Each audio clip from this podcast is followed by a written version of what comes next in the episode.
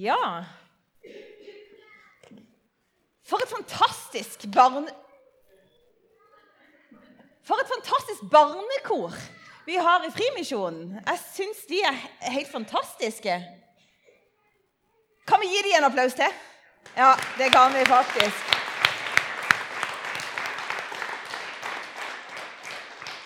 Og tenk at du kom på en dag som denne, når det er sol ute.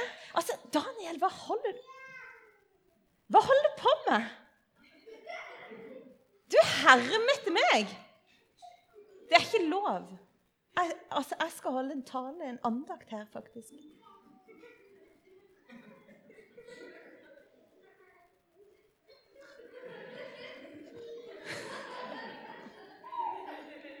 Nei.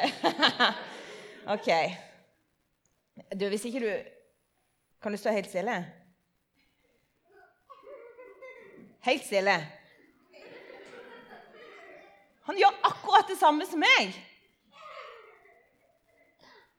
Nå begynner det å bli litt irriterende. Er litt. Daniel, nå er det ikke gøy lenger. Daniel Hvis ikke du går og setter deg, så sier jeg fra til mora di.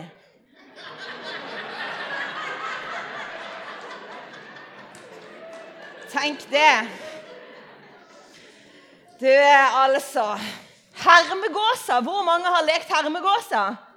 Ja, det er gøy, og så er det jo så forferdelig irriterende av og til hvis det går for langt. Da må vi si ifra til mamma eller pappa. Du, men det med herming det har faktisk noe med talen å gjøre. Det vi skal snakke om i dag. For i dag skal vi snakke om et disippelliv. Og det handler om å være disiple. Tenk at disippel og hermegåser har noe med hverandre å gjøre. Ha-ha-ha, ja, det kan du le av. Men nå skal vi lese noe fra Bibelen sammen, som står i Matteus. Og det tenkte jeg at vi som kan lese litt, vi kan prøve å lese sammen. Og hvis du kan noen bokstaver, så kan du se om det er noen bok Din bokstav, f.eks., kan du se om den er der. Det kan godt være. Men vi skal lese sammen. En, to, tre. Jeg har fått all makt i himmelen og på jorden. Gå derfor og gjør alle folkeslag til disipler. Døp dem til Faderens og Sønnens og Den hellige ånds navn og lær dem å holde alt det jeg har befalt dere. Dette var det Jesus som sa. Han snakka nå skal jeg si noe rart, han snakka til sine disipler om disipler. At de skulle, de skulle, både være disipler og så skulle de hjelpe andre til å bli disipler. Og da tenkte jeg at i dag så må vi snakke litt om disipler. Og på Jesus sin tid, når han var just nede og gikk på jorda så var det nemlig sånn at det var ikke hvem som helst som kunne bli disippel. Det var nemlig sånn at det å være disippel, det var å være en lærling til en mester. Men det var ikke hvem som helst som kunne bli lærling, som kunne bli disippel. Det var nemlig de som var aller best i klassen. De som skårte aller best på å kunne flest mulig lover og regler utenat. De som liksom var toppen av toppen. Det var de som hadde sjanse til å bli disipler. Og det var nemlig sånn at De kunne ikke melde seg på disippelkurs. De kunne ikke rekke opp hånda og si 'Jeg vil være disippel'. Jeg vil. Mm, mm, mm. De måtte vente til det kom en lærer bort til de og sa 'Vil du være disippel?' Og så hvis, hvis, de blir spurt om det, så var det en stor ære. Det var det beste som kunne skje. Det var at det kom en lærer bort til deg og spurte vil du være disippel. Og Det var litt rart at det var så veldig stas, for det disippelen skulle gjøre, han skulle herme. Hvis noen ble en disippel, så skulle han gå sammen med mesteren sin overalt. Og han skulle gjøre det som mesteren gjorde, og gå der han var. Derfor er det så spesielt, skjønner du. At når Jesus sier til noen 'Kom og bli min disippel', så sier han det til alle. Han sa det liksom til en fisker og en toller. Det var litt toller var folk som de, de, andre likte ikke de så godt. Og en fisker var vanlige folk. Helt vanlige folk som, hadde, som ikke var best i klassen. Så kom Jesus bort til dem og sa Kom, du kan være min disippel. Alle som vil følge ham, får lov til å være disippel. Tenk på det. Og Her ser vi at det er noen disipler på tur. Det er jo ikke et bilde som ble tatt akkurat når Jesus var på jorda, men de har kledd seg ut. Og Disiplene de fulgte etter Jesus, og de fikk lov til å være med på det han gjorde. Og det var mange fantastiske ting. Vi lever jo 2000 år etterpå, så hvis vi skal lære om å være disipler, da må vi faktisk lese om Hvis vi skal være Jesus sine disipler, så må vi lese om Jesus sitt liv. Og så må vi lese om hva han har å si til oss i Bibelen. Og hvis vi f.eks. hadde lest i Johannes kapittel 4, så hadde vi lest om at Jesus skulle reise fra Judea til Samaria. Nei, til Samaria, sier jeg. Nå lagde jeg veldig spenning rundt noe som ikke var sant. Fra Judea til Galilea. Og så står det at for å reise ifra Judea og til Galilea. Så kunne han bare gått rett over her, men så står det noe rart. Det står at han måtte gå gjennom Samaria. Skal jeg si deg noe? Det var mange veier som gjorde at han ikke hadde vært nødt til å gå gjennom Samaria. I Samaria så bodde det samaritanere. Kan du si det ordet med meg? Samaritanere. Ja. Og det som var så spesielt, det var at jøder og samaritanere de var ikke særlig gode venner. De hadde nemlig krangla i flere hundre år. Fordi at de var så uenige i hvordan Bibelen eller Det gamle testamentet eller hvordan de skulle forstå det Gud hadde sagt. De var så uenige. Og begge to mente at de hadde helt rett, og dette hadde de krangla om så lenge at de hadde slutta å snakke sammen. Og det var til og med blitt sånn at De ville ikke gå på hverandre sine steder. Og Derfor var det så spesielt at Jesus måtte gå igjennom Samaria, der det var samaritanere. Skal jeg si deg hva jeg tror? Jeg tror at Jesus kunne gått en annen vei, men han kjente inni seg, tror jeg, at det var noen som var viktig å møte i Samaria. For når han kom dit, så møtte han plutselig ei kvinne som var med en brønn. Det var jo sånn, De hadde ikke innlagt vann, de måtte hente vann i brønnene. Og det var tungt arbeid.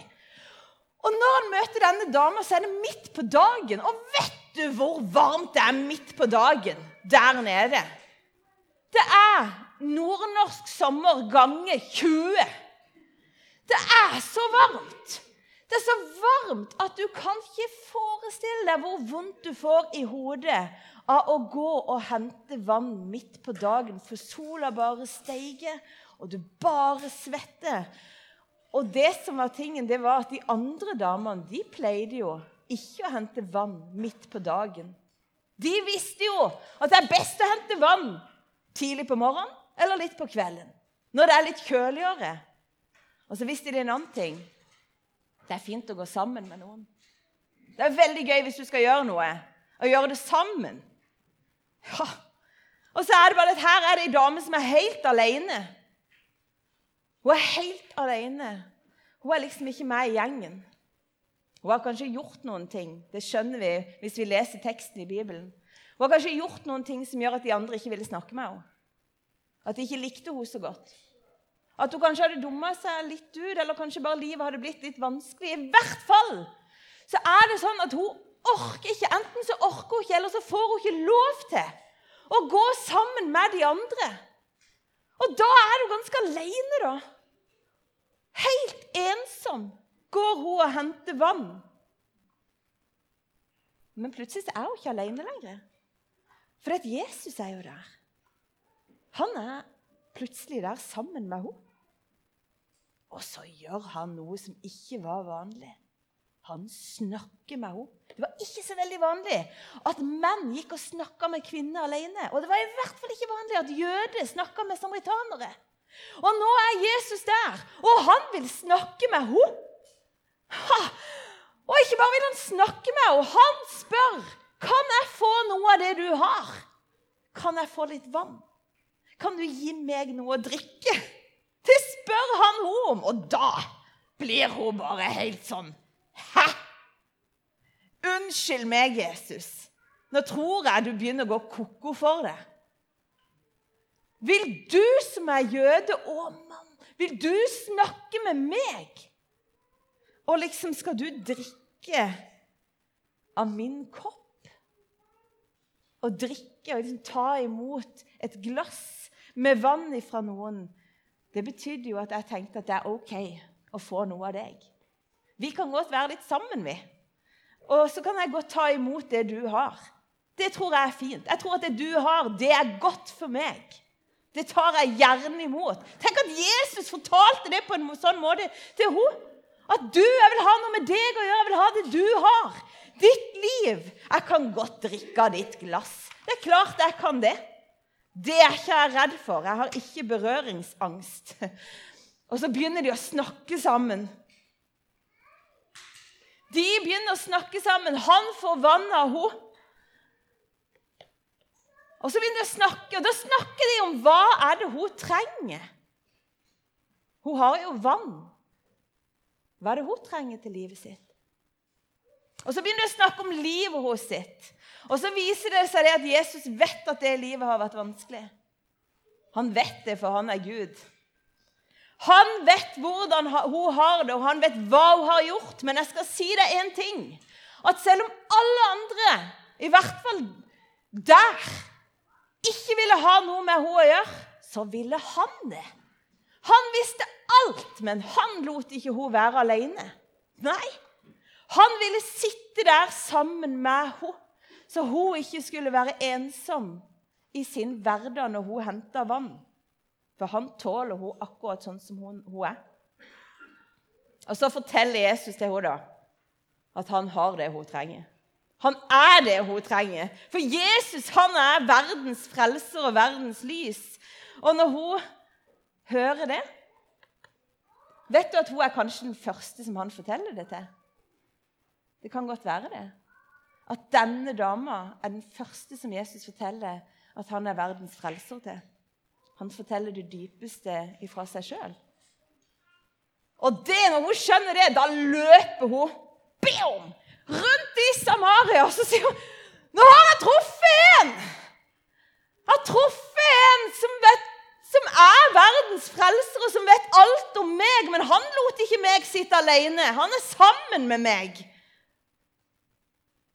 Jeg har truffet han. Tenk det. Og så tror jeg hun blir en disippel. Så begynner hun å herme etter Jesus. Og så begynner hun å være sammen med han. Det som er Altså, hvordan skal vi herme etter Jesus i denne fortellinga?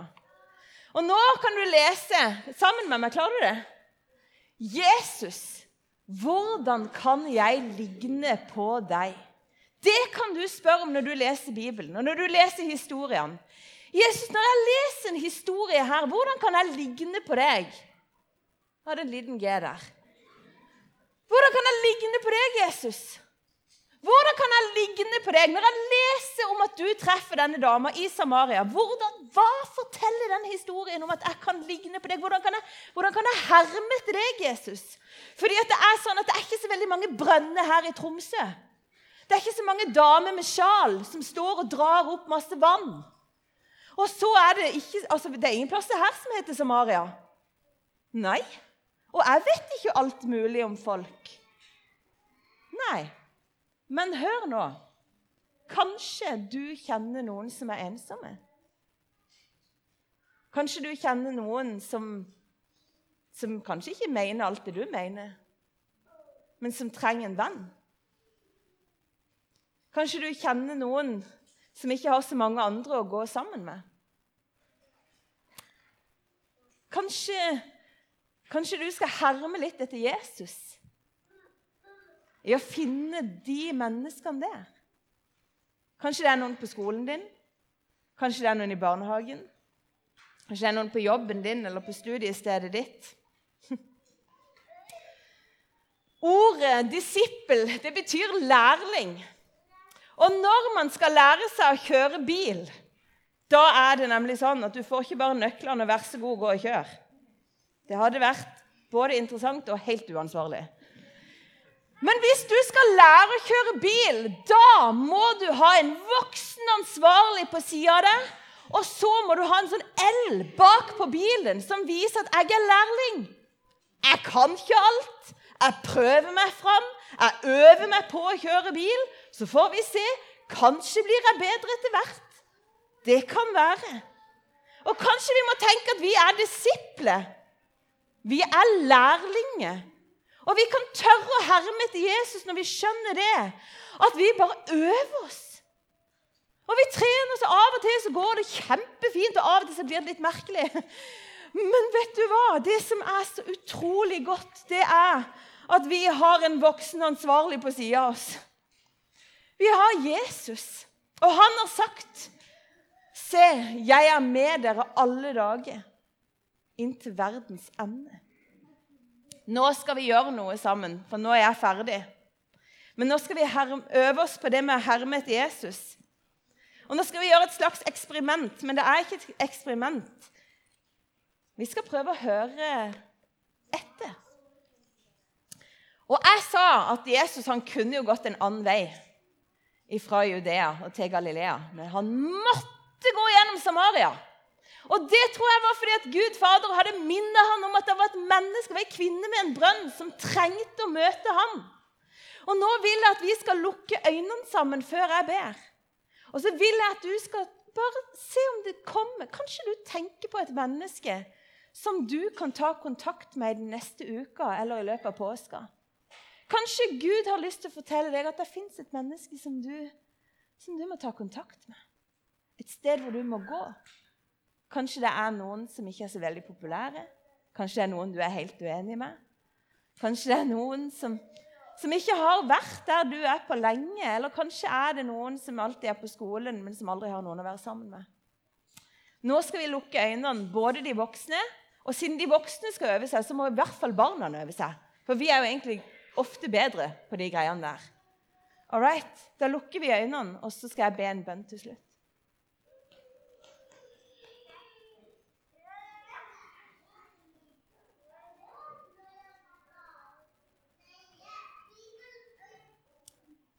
Jesus, nå ber jeg om at du skal minne oss om noen mennesker som vi skal ta kontakt med. Og så ber jeg om at eh, du skal hjelpe oss å ta kontakt i løpet av tida som kommer. Herre, takk for at vi får lov til å herme etter deg. Og takk at du er den ansvarlige frelseren som er ved siden av oss hver eneste dag inntil verdens ende. Amen.